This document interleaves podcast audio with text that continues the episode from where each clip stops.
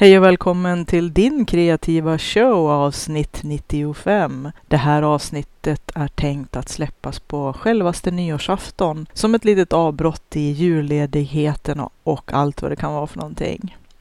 95 avsnitt. Jag tror att eh, eftersom att några har fått numreringar ABC så är det här avsnitt 98 totalt räknat. Det blev inte 100 avsnitt, även om att jag pumpade på lite grann extra och la in några extra avsnitt här och där. Men eh, samtidigt så var väl inte riktigt målet heller att eh, spräcka 100 avsnitt prick på nyårsafton bara för att. Men det hade varit kul om det hade hänt.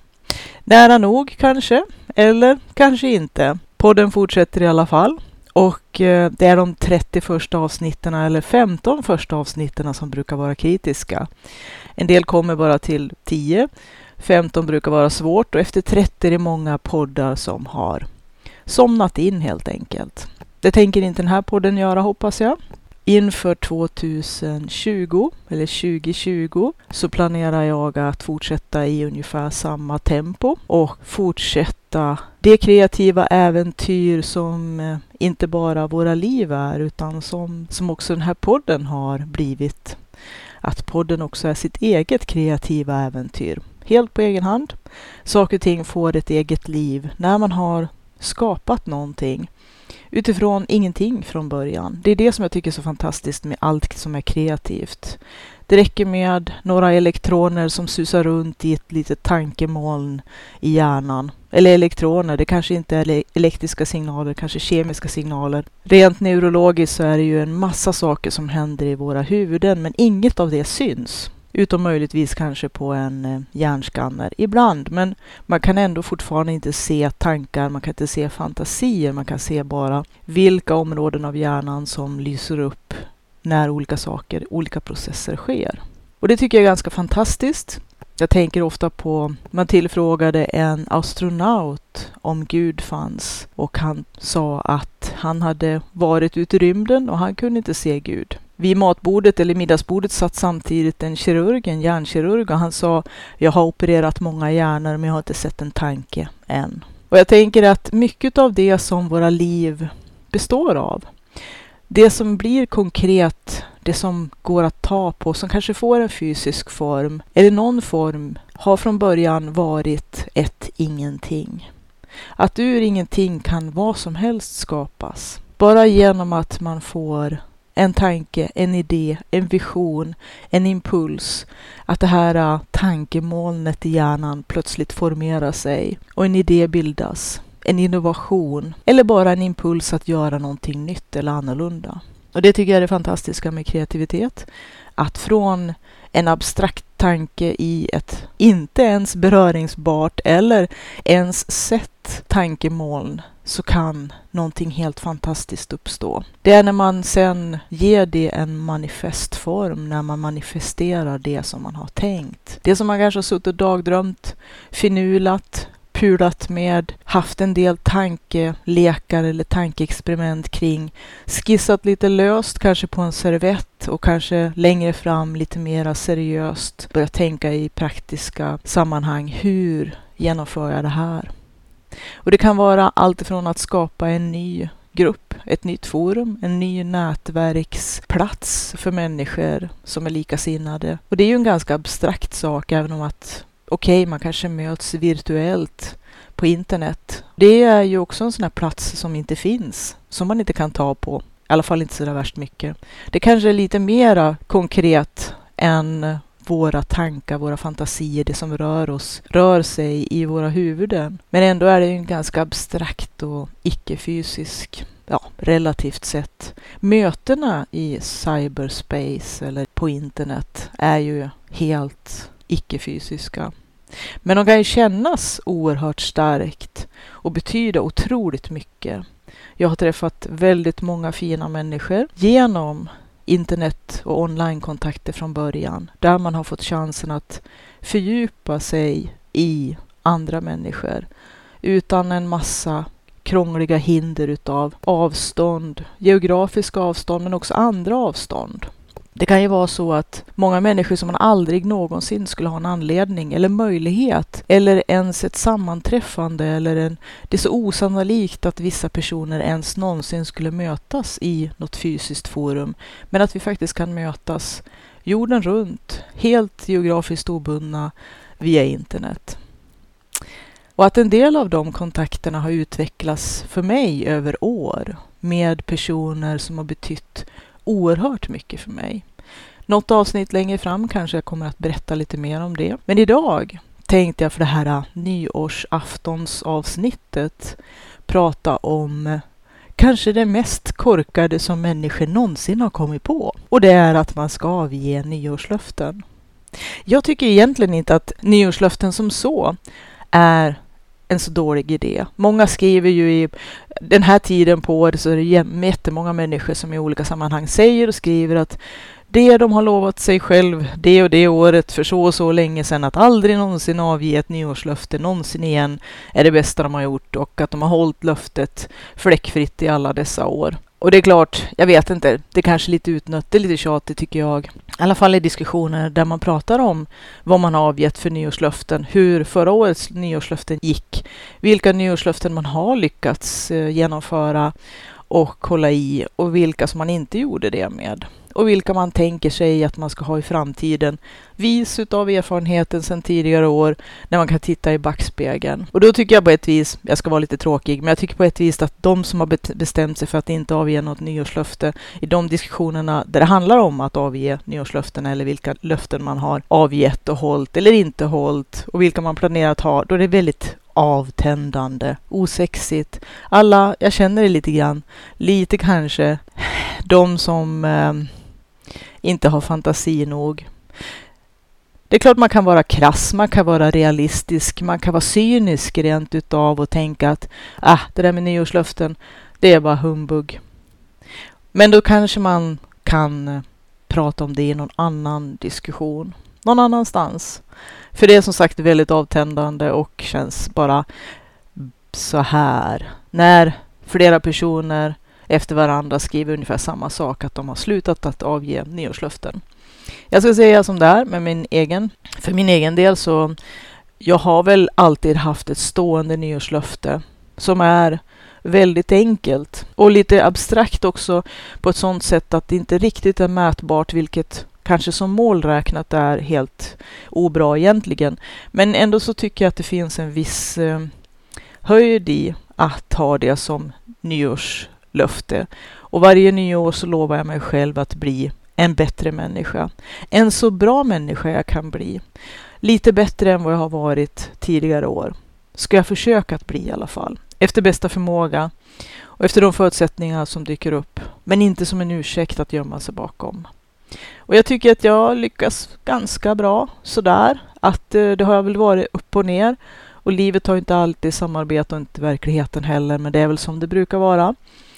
Och att jag har haft en del, de senaste åren har inte precis varit någon hövding när man kämpar för att överleva, både bokstavligt och bildligt, bildligt talat. Men när man är utanför den absoluta krisen och kan börja andas igen och blicka framåt så är det en fantastisk känsla. Att igen börja tänka, vad vill jag göra nu? Vad vill jag göra med fortsättningen av mitt liv? Och också vara medveten om att bara för att man väljer något idag så kan man faktiskt välja någonting annat en annan dag, ett annat år. Att det går att välja med hela hjärtat och sen välja någonting annat. Och i att välja, som jag har pratat om i många avsnitt, så måste man ibland välja bort andra saker.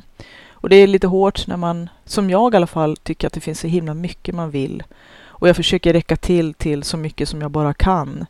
Men även jag måste inse mina begränsningar och försöka hitta en del avgränsningar för vad jag ska göra och när. Ingenting är ju omöjligt, även om att man kanske måste tänka att var sak har sin tid. Att man genomgår olika faser och ibland så står man inför en del saker i livet som eh, man bara måste kämpa sig igenom. Det är som att bestiga Mount Everest utan syrgas. Men någon gång, förhoppningsvis, så kommer man ut på andra sidan och kan ta ett djupt andetag och fortsätta där man var. Och lite grann är jag där nu, att fortsätta där jag var. Det finns en hel del sorg kanske kring att man har kommit efter, om man nu vill se det så, i sin tidsplanering. Att eh, flera, ett antal år för mig har försvunnit eh, på grund av det som har varit. Men å andra sidan så har det också gett saker som var helt och hållet eh, oväntat.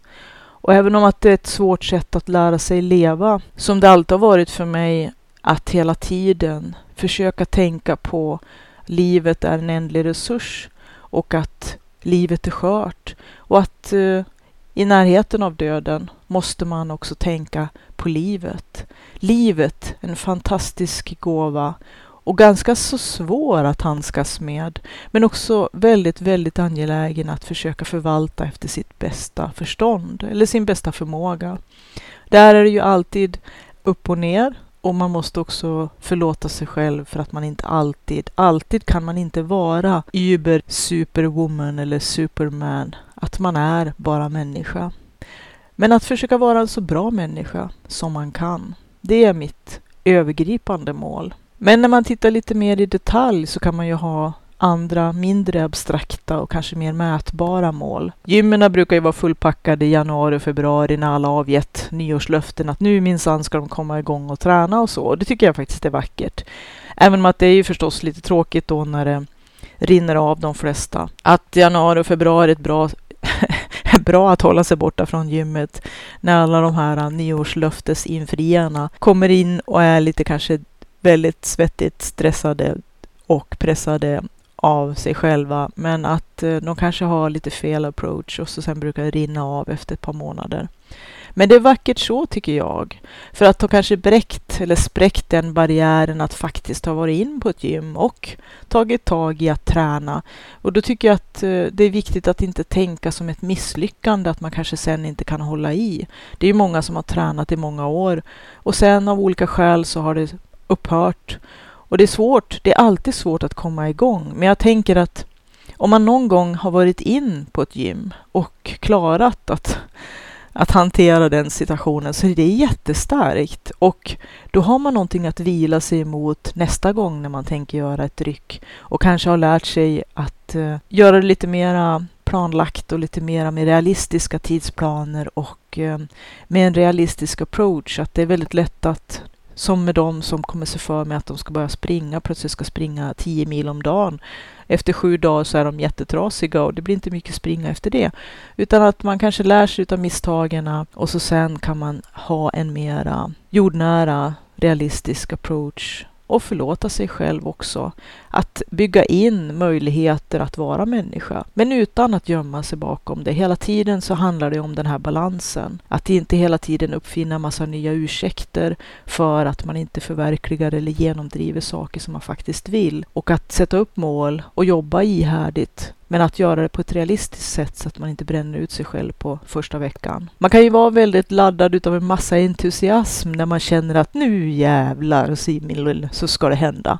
Men så kanske saker och ting rinner av en. Att det bygger väldigt mycket på att man ska ha den här äh, skjutsen, nästan chocken utav någonting som gör att man verkligen har anledning och kanske också är väldigt laddad att göra saker. Men att livets realiteter sen kommer i vägen. För att eh, vi kanske inte kan bo på, på gymmet och vi kanske inte kan springa 10 mil om dagen 365 dagar om året. Men att vi kan lägga upp en mer realistisk tidsplan för saker vi vill göra lite bättre. Idag så var jag ute och promenerade. Jag har tappat en hel del utav mitt promenerande och jag har tappat en hel del utav min smyckesskapande verksamhet. Eller tappat kanske ett väldigt negativt ord.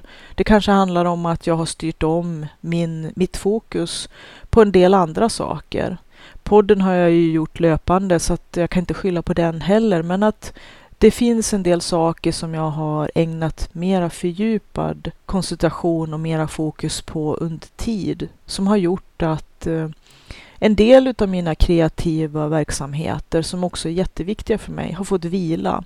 Jag har ju läst också mycket, mycket mindre än vad jag brukar göra. Däremot har jag lyssnat på mycket mera poddar och mera ljudböcker och nu är jag så glad för att jag har dammat av mina två faktiskt läsplattor jag läser ju mycket böcker som jag köper som e-böcker, som jag tycker är fantastiskt för att man behöver bara ha en platta med sig eller telefonen och den eh, behöver man ju bara se till att ha laddad. Och den kan rymma hur många hundra och tusentals böcker som helst. De är väldigt lätta att köpa direkt via nätet också. Jag har några av mina böcker som e-böcker också faktiskt. Det kommer väl att komma mer.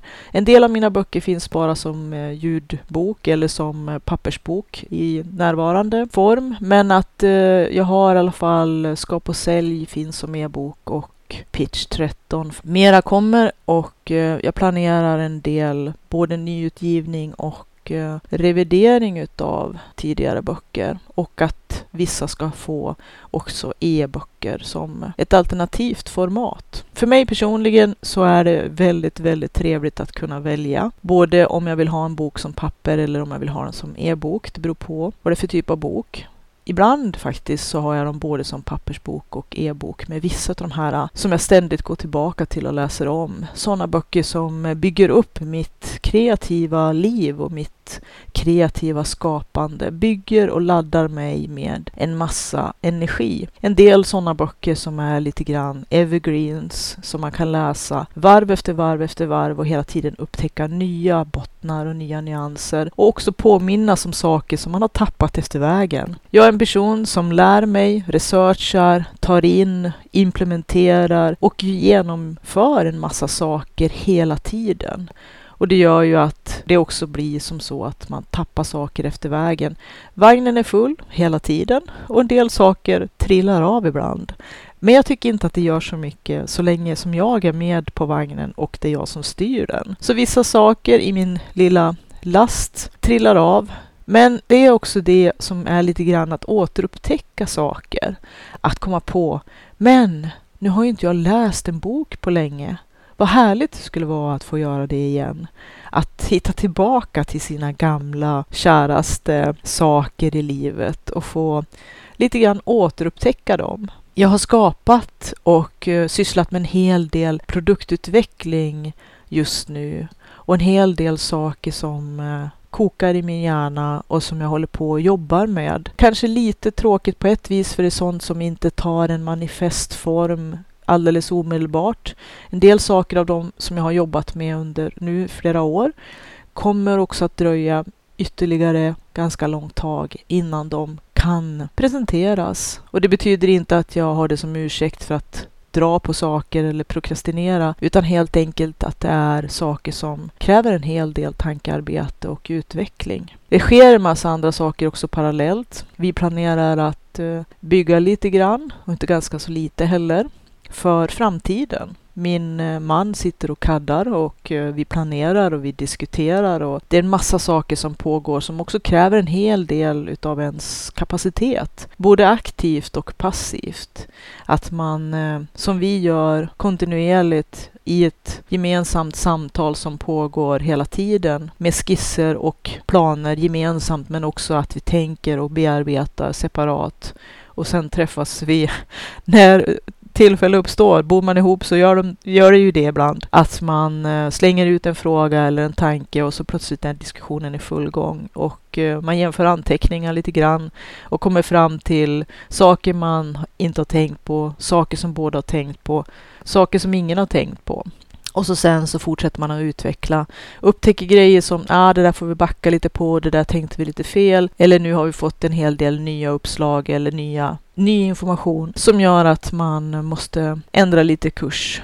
Rita ut lite en annan kurs hela tiden. För att eh, planera och sätta upp olika typer utav mål och delmål och ha en tidslinje som man arbetar med. Och ibland som när det gäller byggen till exempel så är det ju ganska långa tidslinjer. Vi byggde ut huset, det tog fem år. Så att eh, på den linjen är det. I alla fall om man vill bygga allting från eh, lösvirke och inte köpa färdigt, nyckelfärdigt. Vilket kan ha sin skärm förstås när det blir färdigt nästan på ett par, tre dagar. Men eh, Andra sidan så är det ganska stora lån som ska betalas tillbaka om man väljer att köpa färdigt. Och vi, vi kör den här lågintensiva modellen där det kostar mycket mindre men det är mycket mer arbete och tar mycket längre tid. Men att eh, jag tror att var och en hittar sin modell och sitt sätt att eh, lösa saker och ting på. Det här är vårat sätt.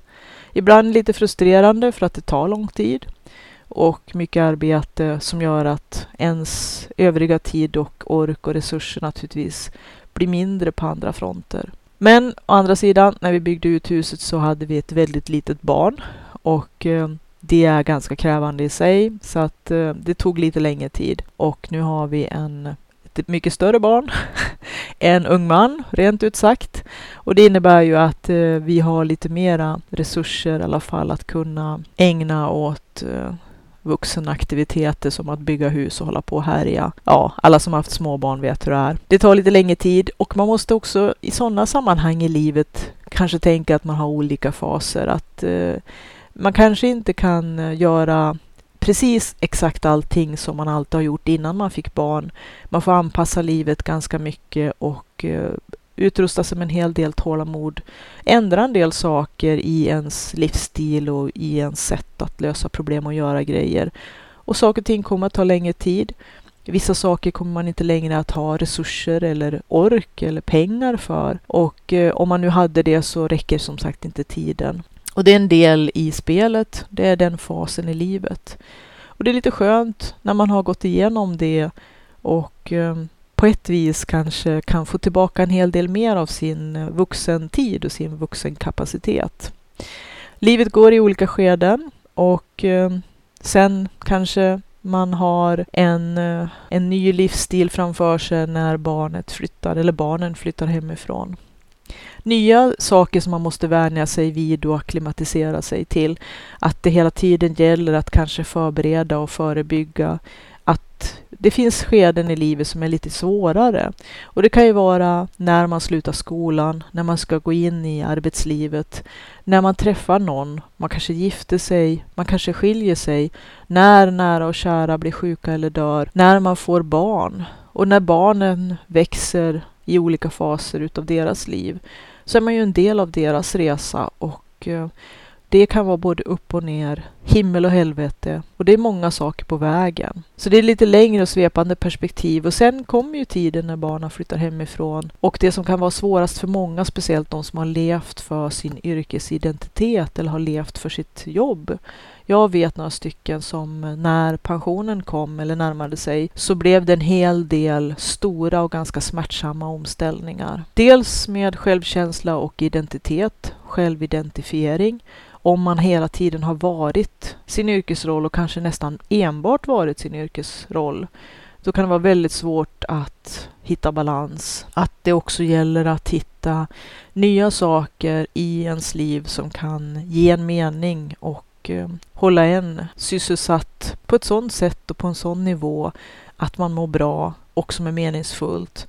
Att man måste hitta nya grejer. För många som blir pensionerade så är ju det inget problem. De brukar ju vara, ha mer välfylld kalender och vara svårare att komma i kontakt med när de har pensionerat sig. För då är det ju så oändligt mycket som de håller på med. Vissa i alla fall. Jag kanske känner fel sorts folk. Eller kanske rätt sorts folk. Men för en del personer kan det vara väldigt lätt att bara gå hem ifrån ett långt yrkesliv och sätta sig i fåtöljen. Och det blir ju inte ett så långlivat liv och kanske också väldigt tråkigt. Jag tror att många gamla de dör av ren tristess. Sen finns det andra problem också att om en partner dör i förtid eller man kanske skiljer sig efter att barnen har flugit ut eller före de flyger ut eller hur det är. Så att det kan ju vara också mycket ofrivillig ensamhet. Så att man kanske också där måste försöka söka sig utåt att träffa andra, hitta sina forumgrupper, hitta likasinnade helt enkelt, där man kan mötas kring någonting man är gemensamt intresserad av och brinner för, som kan engagera och framförallt tror jag viktigt, som ger en möjligheter till aktiviteter, saker som man kan göra tillsammans. Men jag kommer ifrån ämnet lite grann och det är ju nyårsafton. Den här äh, famösa, eller infamösa händelsen en gång om året. För mig så börjar inte året på nyårsafton utan det börjar ju den 22 december då när det vänder, som jag pratade om i ett tidigare poddavsnitt. När ljuset kommer åter. Det som kanske kan vara lite olyckligt med nyårsafton, om man nu tänker ur det här med nyårslöften och sådär, det är ju att, som jag läste någonstans, en person som skrev att den tiden på året när man är som absolut blekast, D-vitaminbristen börjar kicka in på allvar. Man lever under en blöt, fuktig yllefilt som jag brukar säga. Då så ska man uppfinna eller hitta en massa energi och kraft och engagemang, entusiasm att eh, avge noga genomtänkta nyårslöften. Det kanske är lite fel tänkt där. Egentligen borde man ju börja ge nyårslöften då när man har sin absoluta high, alltså det, den bästa tiden på året för en själv. En del personer tycker att våren är svår. En del tycker hösten är svår. Jag tycker november och den mörka tiden på året är ganska svår. Men vilket man nu själv väljer där man känner att man har den högsta energinivån. Jag tror att för många människor skulle det nog kanske kunna tänkas vara då när ljuset kommer tillbaka. Men det är inte så givet, för som sagt, vi har alla olika biorytmkurvor eller vad man ska säga. Vi har olika lynnen, olika personlighet. Vi reagerar olika på när ljus försvinner och ljus kommer tillbaka. Man kan ha höst och man kan ha vårdepressioner eller i alla fall ha känningar. Och att eh, oavsett så påverkas vi ju av ljus och mörker för att vi har ju olika delar i våran kropp som producerar vakenhets och trötthetshormon som styr våra dygnscykler och rytmer och gör att vi är olika pigg och olika trött vid olika tidpunkter, både på dygnet och kanske över hela året beroende på årstid och så. Men att försöka hitta kanske den tiden på året där man är som mest laddad, där man vet att man har mycket energi, när man känner att nu, nu är jag i startblockerna, nu har jag orken, den här tiden på året är min bästa tid. Det är kanske då man ska sätta sig ner och plita ner löften eller i alla fall målsättningar eller saker man vill genomföra och ha en kanske förhoppningsvis realistisk tidsplan också där man inte hela tiden förlita sig på att man just precis då när man ska genomföra det här ska vara Übermensch, Superwoman eller Superman. För förmodligen så kommer det inte bli så, utan att eh, lägga saker och ting på den nivån man vet att man kommer att fungera och fungera hyggligt bra. Tror jag också viktigt att bygga in det jag brukar kalla tidiga vinster i saker. Att man ser till att man ganska så på en gång och löpande hela tiden får små vinster. Och gärna då tidiga vinster så att man inte måste jobba. Jag kanske säger emot mig själv nu eftersom att mycket av det jag sysslar med, det är ju sånt som är gjort på Ja, skriver man böcker handlar det ju om flera års tidsplaner, allt som allt.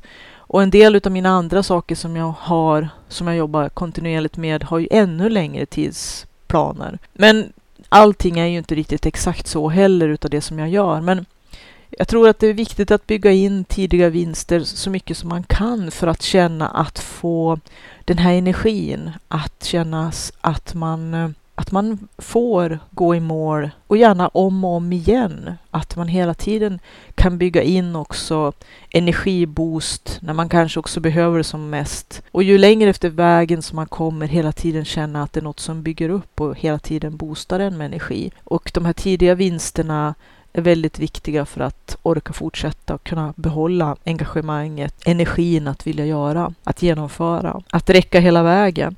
Att planera in även det. Den här nyårsafton har jag väl inga speciella nyårsmål formulerade så att jag kan presentera dem i den här podden. Men jag kommer att ha några stycken och eh, jag ska bara, som Alfons Åberg brukar säga, jag ska bara sätta mig ner med mig själv och tänka och skriva ner några saker och framförallt välja. Välja är den svåra biten. Att försöka avgränsa. För att eh, välja för mycket eller allting på en gång, det kan vara väldigt lockande men det brukar sällan bli så himla bra. Då blir det varken hackat eller malet många gånger i min erfarenhet.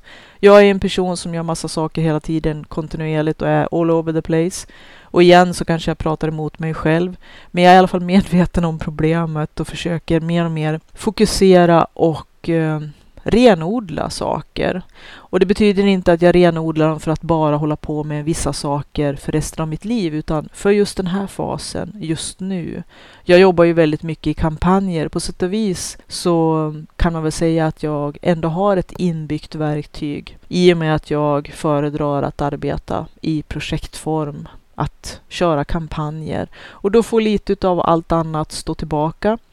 Även om att naturligtvis de viktigaste sakerna som hela tiden måste vara med, eller de, om man nu har valt några få, förhoppningsvis få parallella spår, att de får dela lite grann på den bandbredd och den tiden, det fokus som man har. Men att köra i kampanjer, jobba i projekt, även om det bara är för en själv, där man har en tidplan med delmål, tidiga vinster och att man helst av allt också ska ha saker som är mätbara som man kan följa upp. Jag skriver ju ner och har allt i olika Excelblad för att jag är lite nördig. Och jag tycker det är jättefantastiskt att se inte bara se framsteg och resultaten utan också att hela tiden ha dokumentation över saker.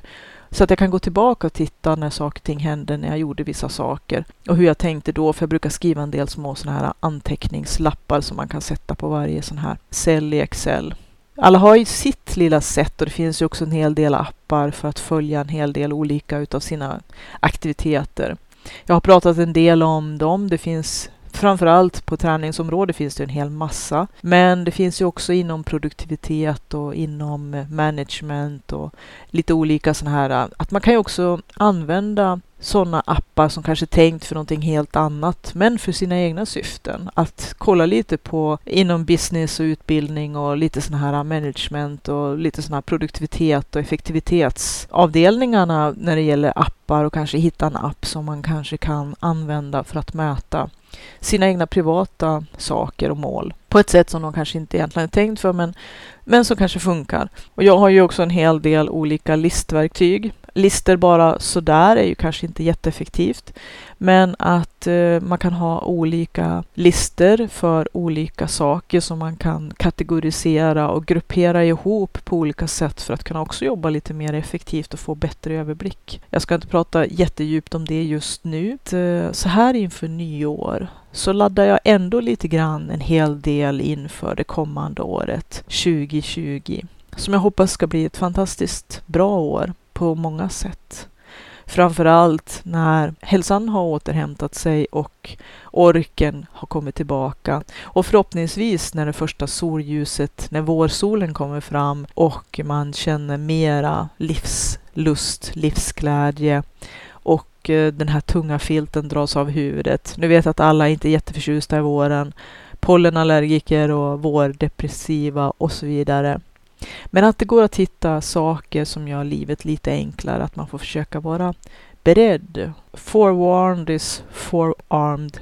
Förvarnad är förberedd. Försöka hitta lösningar. Det kommer inte bli optimalt alla gånger. Och att man också bygger in buffertar och och eh, lite kuddzoner för det som inte är optimalt eller man vet inte kommer bli optimalt. Trots allt, om man går in i sig själv så känner man sig själv lite bättre hoppas jag för varje år som går och att man också fortsätter att reflektera och lära känna sig själv och sitt eget sätt att fungera.